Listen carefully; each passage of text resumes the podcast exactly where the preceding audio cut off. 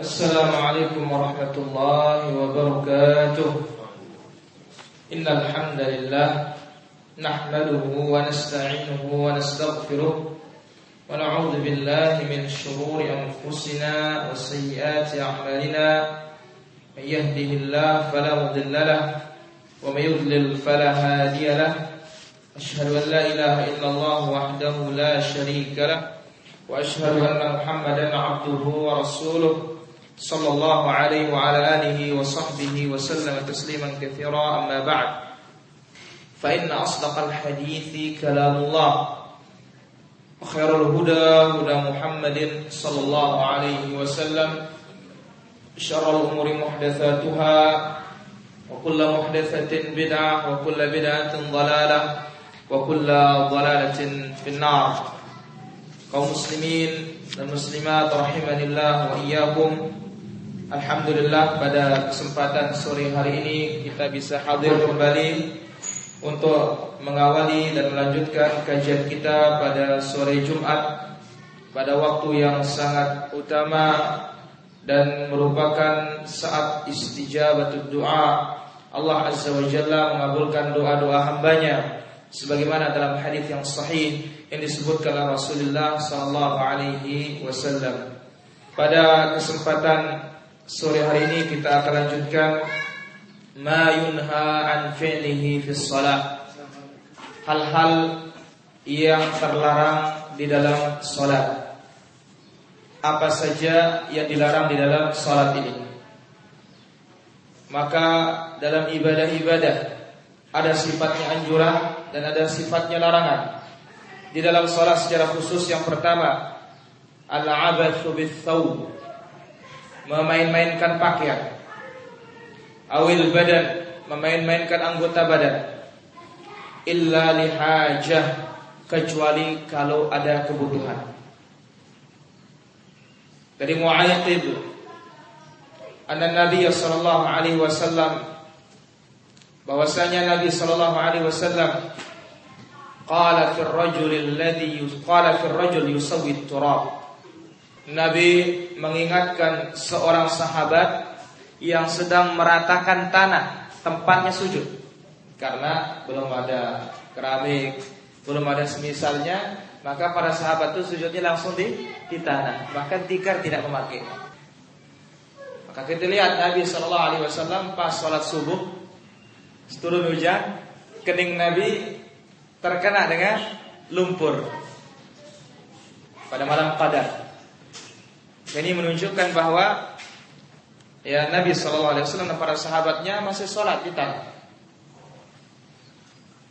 Nah dari Mu'ayyid Nabi Shallallahu Alaihi Wasallam mengingatkan salah seorang sahabat yang meratakan tempat sujudnya. Qala in kunta fa'ilan fawahidatan. Kalau memang sekiranya harus engkau meratakan tempatmu sujud maka cukup sekali. Tidak boleh berkali-kali. Kita meratakan sejadah cukup sekali. Kita mengusap tempat sujud kita cukup sekali. Tapi berkali-kali ini namanya pergerakan yang tidak ada hajat, tidak ada kebutuhan dan ini bisa mengurangi pahala sholat. Hadis ini sahih diriwayatkan Imam Al-Bukhari dan Imam Muslim. Perbuatan yang kedua at-takhassur fi shalah meletakkan kedua tangan di khasrah. Khasrah itu antara dada dengan lambung. Di ulu hati itu. Karena yang sunnah dari Nabi Shallallahu Alaihi Wasallam meletakkan tangan kanan di atas tangan kiri di atas da, dada, bukan di perut, bukan di pusat, bukan juga di atas dada. Apalagi di atas, di bawah leher. Tetapi sunnahnya di dada. Nah khasrah ini disebutkan antara dada dengan lambung, itu di ulu hati. Ini sebagaimana sabda Rasulullah sallallahu alaihi wasallam, "Annahu naha an yusalli ar-rajulu mukhtasiran." Nabi sallallahu alaihi wasallam melarang seorang salat dengan ikhtisar. Meletakkan tangan di ulu hatinya. Yang sahih, yang benar adalah meletakkan tangan kanan di atas tangan kiri di atas dada. Dan itu merupakan sunnahnya siapa? Sunnah para nabi. Sebagaimana dalam Muwatta Malik, "Inna ma'syaral anbiya. Kami semua para nabi umir nabi ta'jili fitrina. Kami diperintah mempersegerakan berbuka. Wa ta'khir suhurina dan mengakhirkan sahur. Wa an nadha aymanana ala syama'ilina fi shalah meletakkan tangan kanan di atas tangan kiri di dalam salat. Hadis ini sahih diriwayatkan Imam Al-Bukhari dan Imam Muslim. Yang ketiga yang dilarang di dalam salat raf'ul basar ila sama mengangkat pandangan ke langit-langit.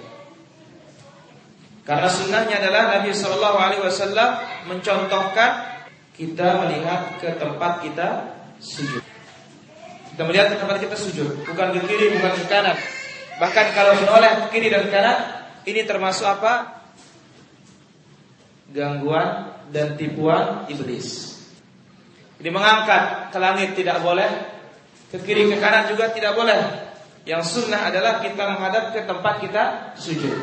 Sebagaimana dalam hadis Abu Hurairah radhiyallahu anhu anna Rasulullah sallallahu alaihi wasallam qala La yantahiyanna aqwamun Hendaklah orang-orang berhenti an rafihim absarahum inda du'a fi salati ila sama Mereka mengangkat matanya, pandangannya di dalam salat Tidaklah mereka berhenti. Awla yakhtifannallahu atau Allah Azza wa Jalla akan menyambar penglihatan mereka sehingga mereka menjadi buta. Makin ancaman keras. Oleh karena itu bila ditanya bagaimana atau apa yang dilihat oleh Nabi ketika sholat dalam Ka'bah, bila memberitakan Nabi tidak pernah meninggalkan tempat sujudnya, mata beliau tidak pernah ter, apa ya, tidak pernah menoleh dari tempat sujudnya ketika dalam sholat sampai berakhir. Jadi kita mengangkat mata ke langit ini larangan keras dalam hadis hadis Rasulullah Wasallam ketika di dalam sholat. Yang keempat, yang dilarang dalam sholat al-iltifat li ghairi hajah. Menoleh kalau tidak ada hajat. Berarti kalau ada hajat lain. Karena hukum asalnya kita memandang ke tempat sujud. Ke atas larangan keras. Ke kiri ke kanan ini juga termasuk tidak boleh kecuali ada hajat. Berdasarkan hadis Aisyah radhiyallahu anha, Sa'altu Rasulullah sallallahu alaihi wasallam anil iltifati fi shalah. Aku bertanya kepada Nabi wasallam tentang menoleh ketika salat. Qala huwa ikhtilas. Itu adalah gangguan, tipuan. Syaitan. Yakhtalisu syaitan min salatil abd. Guna setan itu ingin mencopet mengambil dengan tiba-tiba salat seorang hamba. Baik. Hadis ini sahih diriwayatkan oleh Imam Bukhari Andai kata ada hajat diperbolehkan Andai kata ada hajat diperbolehkan sebagaimana dalam beberapa riwayat dari Nabi Shallallahu Alaihi Wasallam. Tapi kalau tidak hajat, tidak hajat, tidak ada kebutuhan, ini termasuk hal yang mengurangi kesempurnaan sholat. Termasuk bagian yang mengurangi kekhusyuan di dalam sholat. Maka Nabi katakan huwa itu adalah ya sambaran, tipuan yang dilakukan oleh syaitan untuk mengganggu dan merusak sholat-sholat hamba. Iltifat tanpa hajat, menoleh tanpa ada kebutuhan tidak diperbolehkan. Baik, faedah yang atau uh, yang dilarang di dalam surat yang kelima. An-nazar ila ma yulhi wa yushghil. Melihat sesuatu yang mengganggu dan menyibukkan hati kita. Maka di sini sujada terutama yang punya gambar yang aneh-aneh. Atau sebagian apa meletakkan kali kaligrafi di tembok Atau ada lagi di depan kita dia pakai baju aneh-aneh. Dari satu sisi ya kita tidak dituntut untuk melihat itu. Tetapi bagaimanapun namanya syaitan ini kalau ada dawai penyebab mata kita bisa tertarik tertarik dengan bukti berikut ini. An Aisyah radhiyallahu anha anna Nabi sallallahu alaihi wasallam shalla fi khamisah. Nabi kita sallallahu alaihi wasallam Sholat fi khamisah. Nabi sholat di atas sujadah kain seukuran wajah dan bergambar. Fanadharaf ila alamiha. Nabi lihat gambarnya waktu sholat. Falamman sarab. Begitu Nabi selesai sholat. Qala idhamu bi khamisati hadhi ila Abi Jahmin. Bawa ya. Tolong kain ini dibawa kepada Abu Jaham. Wa'tuni bi ambijaniyatin bi ambijaniyati Abi Jahmin. Dan bawakan aku ya, kainnya Abu Jaham yang mana tidak ada gambarnya tapi agak kasar. Sedangkan sedangkan khamisah itu agak ha, halus. Bawakan saya katanya. Fa innaha alhadni anifan am salati. Sungguh tadi ketika aku salat dia telah mengganggu aku, melalaikan aku dalam salat. Maka ini dari satu sisi sujada-sujada ini mengganggu kadang-kadang. Ya. Maka jangan heran ketika banyak masjid-masjid yang sudah memahami sunnah itu ya biasa-biasa saja. Karena itu dikhawatirkan apa? Akan mengganggu, mengganggu tersebut. Apalagi model sekarang, kadang-kadang burung, kadang-kadang Ka'bah, ya dan semisal. Kemudian nanti kalau di Ka'bah ya, kalau Ka'bah gambarnya selesai salat diinjak-injak oleh orang. Sedangkan kalau makhluk hidup diinjak wajar. Karena itu bentuk kita apa? Menghina, menghinakan. Sebagaimana Nabi Shallallahu Alaihi Wasallam sholat ya ada kelambu, ada tirai yang gambarnya bernyawa muka Nabi merah, tidak mau masuk. Aisyah melihat dari raut wajah Nabi bahwa Nabi tidak suka. Akhirnya Aisyah minta maaf. Akhirnya dipecah dua. Gambar tersebut dijadikan banta, sarung bantal. Sehingga sebagai tempat diinjak atau disandari ini menunjukkan bahwa kalau sesuatu itu untuk dihinakan atau makhluk hidup untuk dihinakan tidak menjadi masalah. Tapi untuk dimuliakan tidak diperbolehkan. Nah, ini dia. Dan tentu yang paling utama apa? Kaitannya dengan makhluk hidup ini, Nabi bersabda inna syaitan eh, inna malaikata la tadkhulu baitan fihi suwar. Malaikat itu tidak masuk ke dalam rumah yang ada gambar makhluk bernyawa. Gambarnya, patungnya tidak masuk, tidak masuk malaikat. Bahkan Nabi alaihissalatu wassalam kalau diundang sama sahabatnya, Nabi tanya dulu, di rumahmu ada patung enggak? Di rumahmu ada gambar nyawa enggak? Kalau dibilang ada, Nabi tidak datang. Ini dia, ya poin yang kelima di antara yang dilarang dalam sholat memandang sesuatu yang menyibukkan dan mengganggu. Kemudian yang keenam taghmidul ainain, memejamkan mata waktu sholat dengan alasan apa pun. Kalau ngantuk lain cerita. Tapi ini alasannya mungkin apa? Untuk khusyuk atau semisalnya. Ya. Sebagian orang sholat melakukannya ingin mendapatkan khusyuk. Ini tidak benar. Telah disebut kalau Syekh Al-Albani rahimahullah taala huwa makruhun khilafus sunnah. Memejamkan mata ketika sholat itu makruh dan menyelisih sunnah. Berarti apa? Kita mata kita terbuka dan melihat ke tempat sujud. Ini yang keenam, yang ketujuh as-sadl wa taghtiyatul fam. Sadl. Apa nama sadl?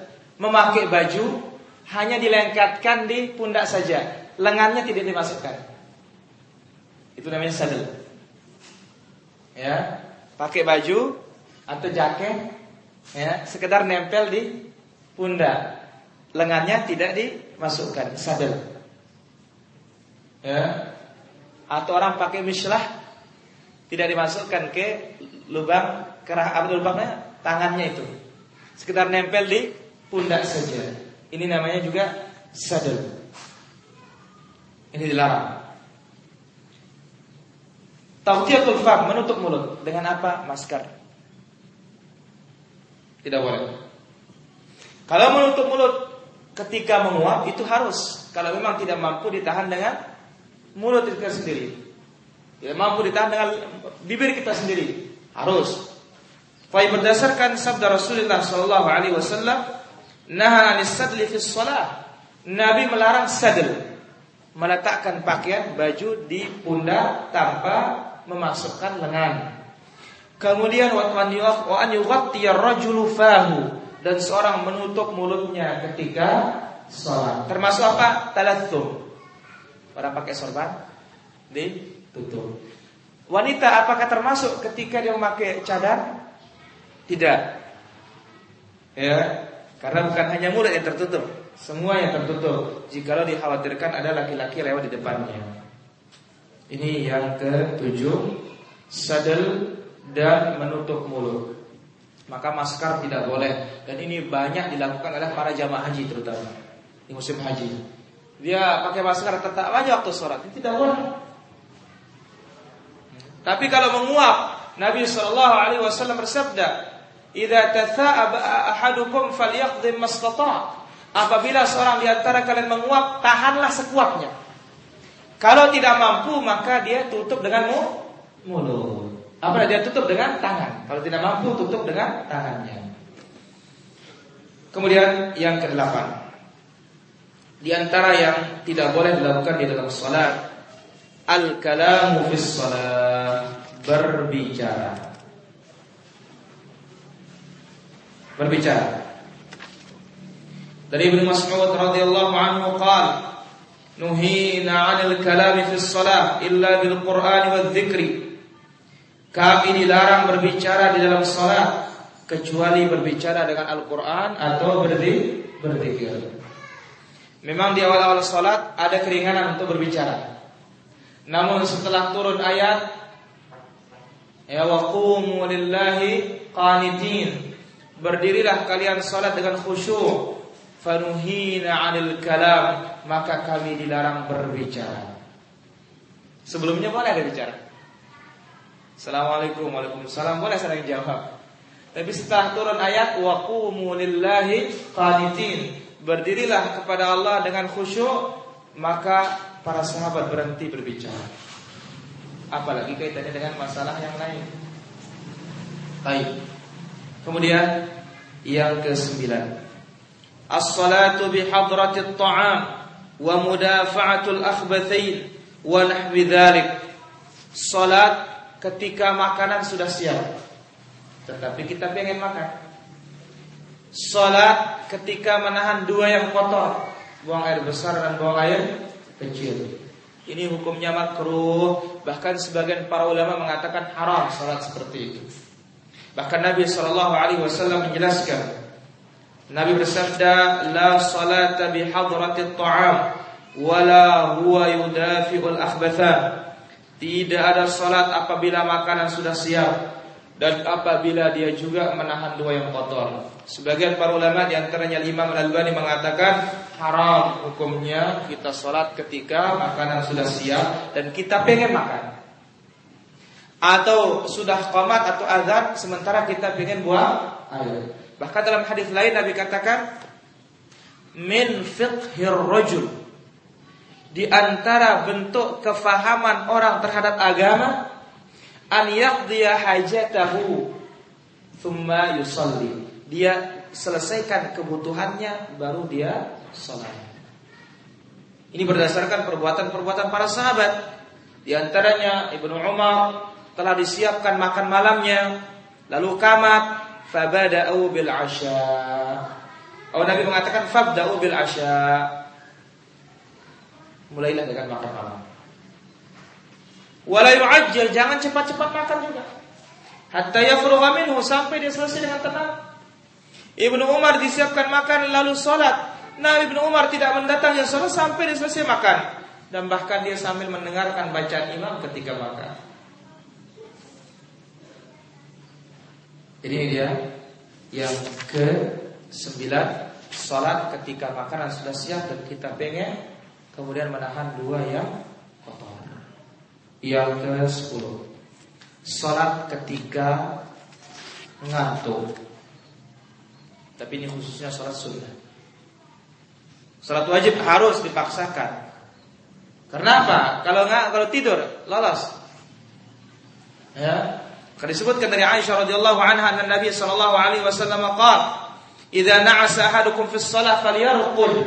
Siapa yang salat sementara dia ngantuk, tidurlah sampai hilang ngantuknya. Fa inna ahadakum idza shalla wa huwa na'is.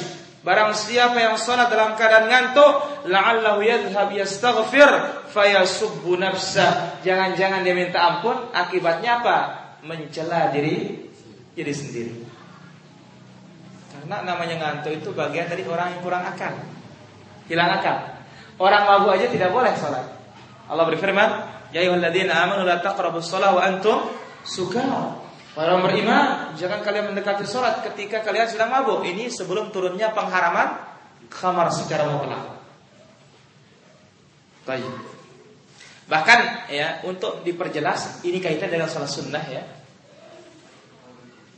Dari Abu Hurairah radhiyallahu anhu bahwasanya Rasulullah Shallallahu alaihi wasallam bersabda, "Idza qama ahadukum minal lail" Apabila seorang di antara kalian salat malam, fasta'jama al-Qur'anu ala lisani, tetapi lidahnya berat membaca ayat. Falam yadri ma yaqul, dia tidak tahu apa dibaca, falyattaji tidur dulu. Baru salat sun, sunnah, baru salat malam. Hadis ini sahih diriwayatkan oleh Imam Muslim. Yang ke-11 Larangan dalam surat Al-Busaq jihad al-qiblah Berludah mengarah ke kiblat Bahkan dalam sebuah lafaz bahwa mau berhudak berludah menghadap kiblat luar sholat maupun tidak sholat dalam sholat sebaiknya jangan. Dalam sholat lebih keras, di luar sholat jangan berludah menghadap kiblat. Karena disebutkan dalam sebuah hadis, ya Nabi Shallallahu Alaihi Wasallam menjelaskan ya man tafila tijah al-qiblah jaa yaum al-qiyamah wa tafilatu fi fi ainai barang siapa yang berludah menghadap kiblat maka hari kiamat ludahnya itu berada di matanya. Dalam salat lebih keras lagi. Nabi mengatakan inna ahadakum idza qama yusalli. Seorang apabila dia salat fa inna Allah tabaraka wa taala qibala wajhihi maka dia sedang menghadap Allah di depannya fala yabsuqanna qibala wajhihi wala an yamini. Jangan berludah menghadap kiblat, jangan pula ke kanan, tetapi ke kiri, ke kiri. Lo berarti boleh berludah dalam salat? Boleh. Boleh. Ya, boleh. Tapi sekarang bagaimana mau berludah sementara semuanya bersih semua? Pakai tisu. Tidak menjadi masalah. Ini sesuatu dibolehkan. Cuma adabnya jangan menghadap kiblat, jangan pula di samping kan kanan, tapi di samping kiri. Baik. Hadis ini sahih diriwayatkan oleh Imam Muslim.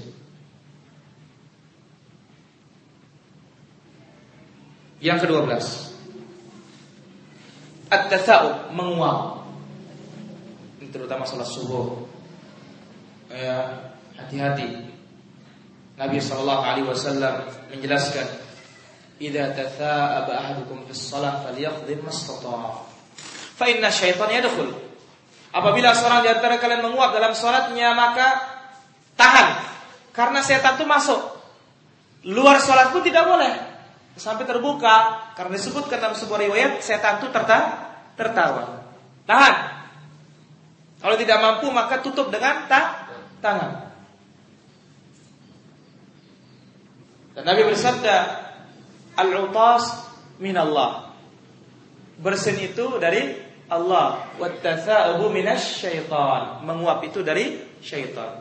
Kalau utas, bersin itu tanda semangat. Coba kalau kita pusing-pusing sudah bersin, segar. Tapi kalau sudah makan, datang apa? Menguap. Ya. Ini tanda apa? Malas. Innallaha yuhibbul utas wa yakrahu Allah senang terhadap orang yang bersih dan tidak suka terhadap mengu menguap. Taib. Kemudian yang ke-13. Kaftus thawb.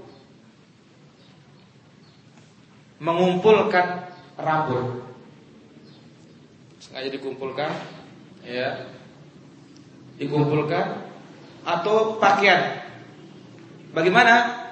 Disebutkan dalam sabda Nabi sallallahu alaihi wasallam, "Umirtu an asjuda ala sab'ati a'dhamin." Allah perintah aku untuk bersujud di atas tujuh tulang.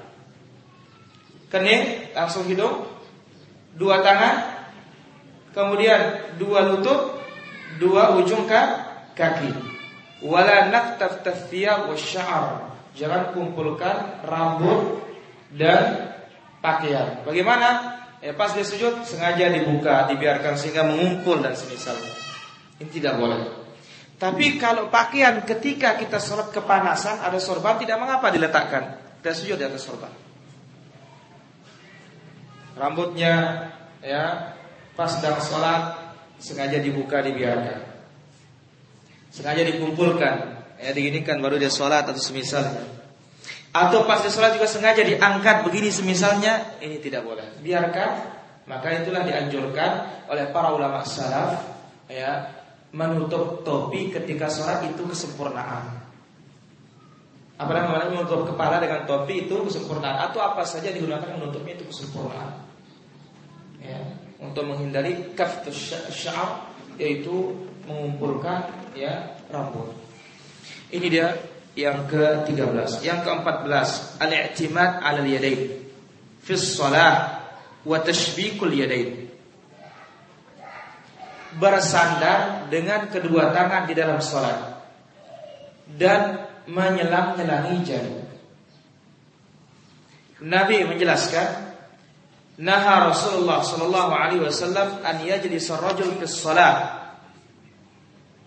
Nabi sallallahu alaihi wasallam melarang Nabi SAW melarang duduk di dalam sholat wahwa mu'tamidun ala yadi. Duduknya bersandar ke tangan begini.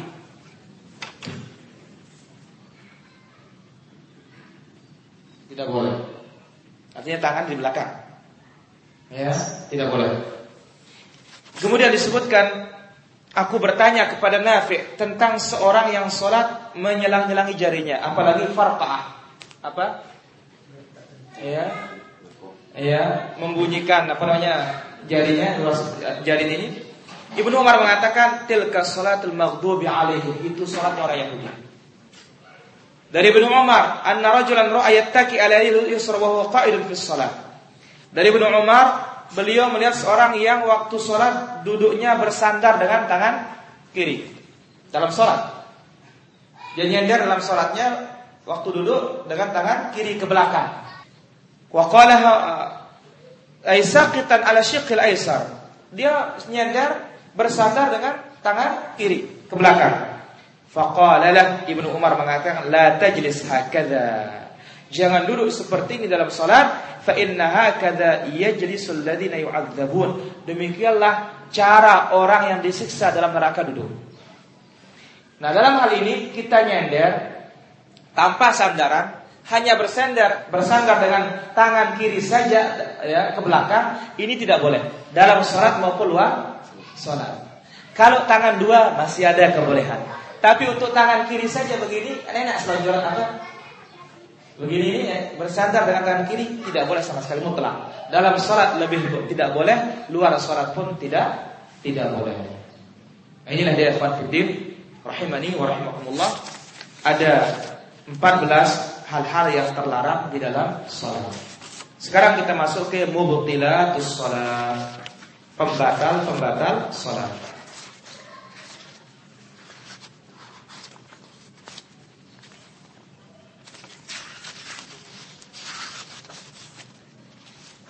Yang pertama al-aklu wasyurbu amdan, makan minum dengan sengaja.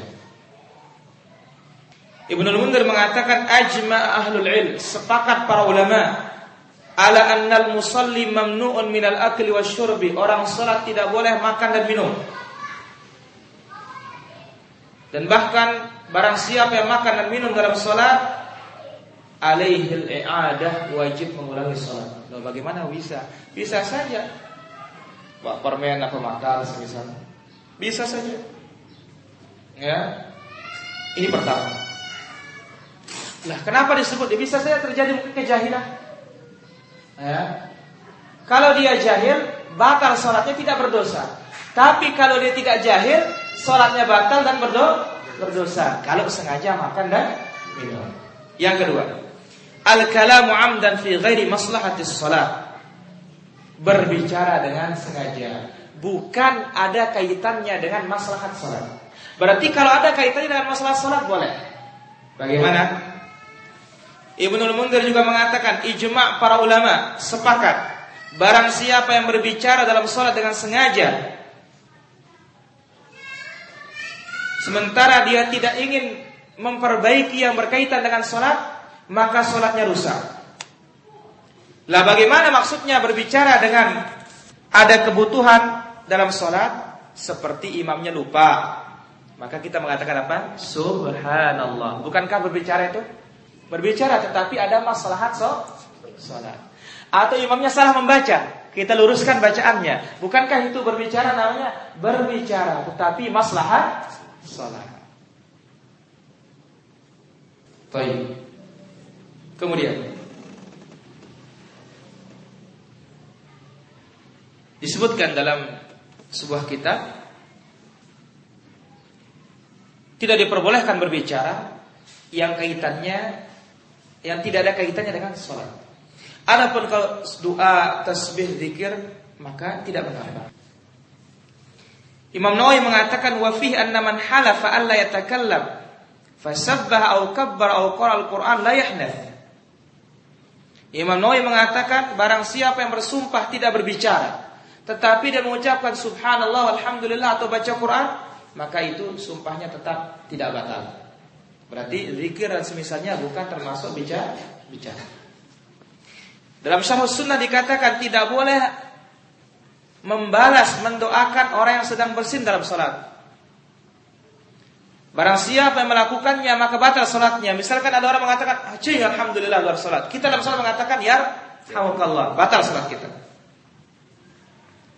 Wa fihi kalam al jahil bil hukm la yubtiluha idza lam ya'murhu rasul id lam ya'murhu rasul sallallahu alaihi wasallam bi'adati salat.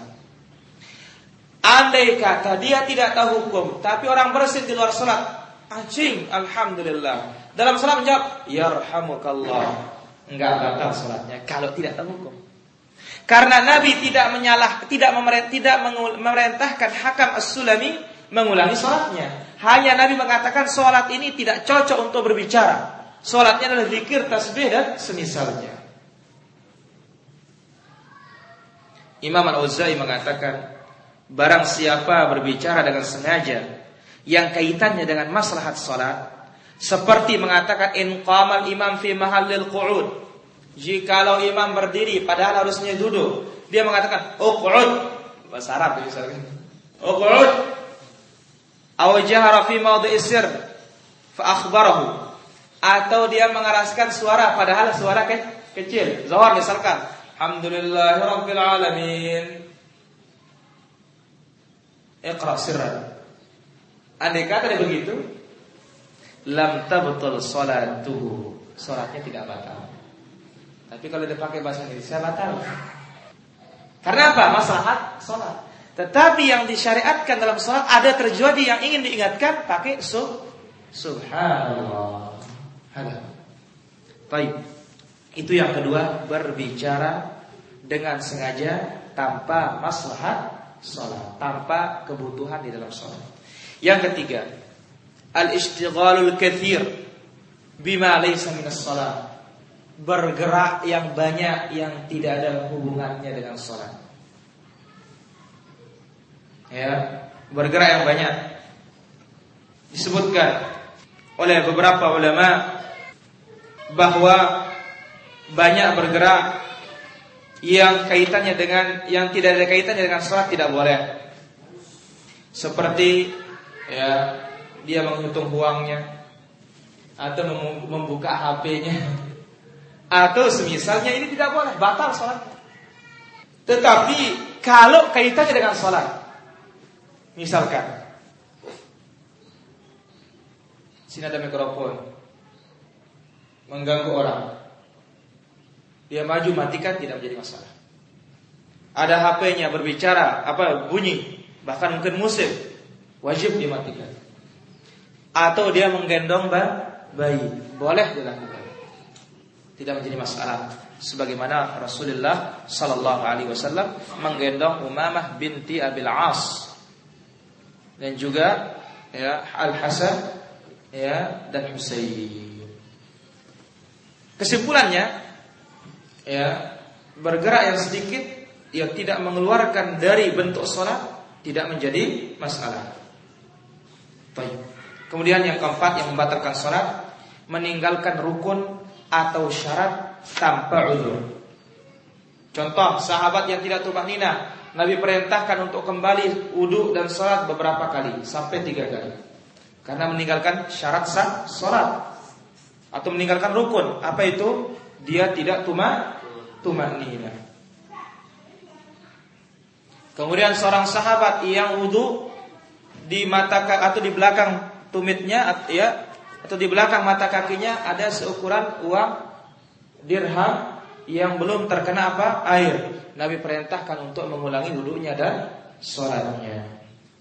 Jadi meninggalkan rukun dan syarat tanpa udur maka ini termasuk hal-hal yang membatalkan sholat.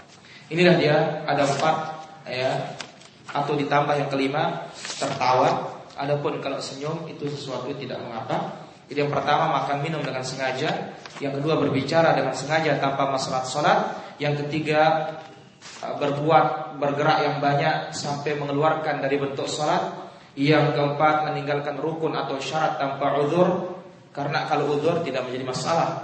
Bagaimana uzurnya? Dia tidak bisa berwudu karena di penjara. Tangannya digantung di belenggu, tidak bisa tayamum, tidak bisa juga beru. Atau dia itu sakit, apa namanya? kotoran keluar terus, tapi masih paham, sadar, tetap dia sholat dalam keadaannya. Yang terakhir, tertawa di dalam sholat.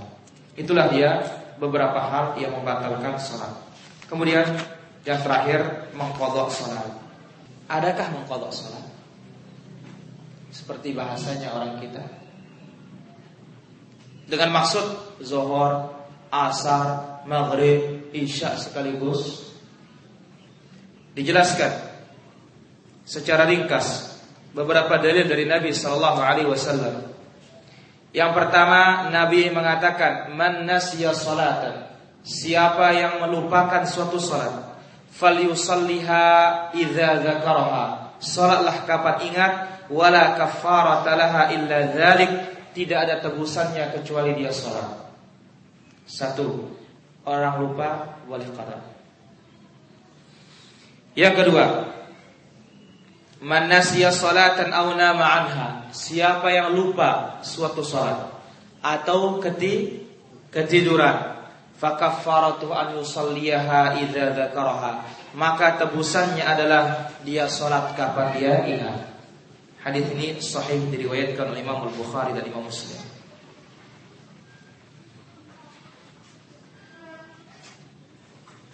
Kemudian dalam riwayat Ibrahim An-Nakhai man taraka salatan wahidatan 20 sana.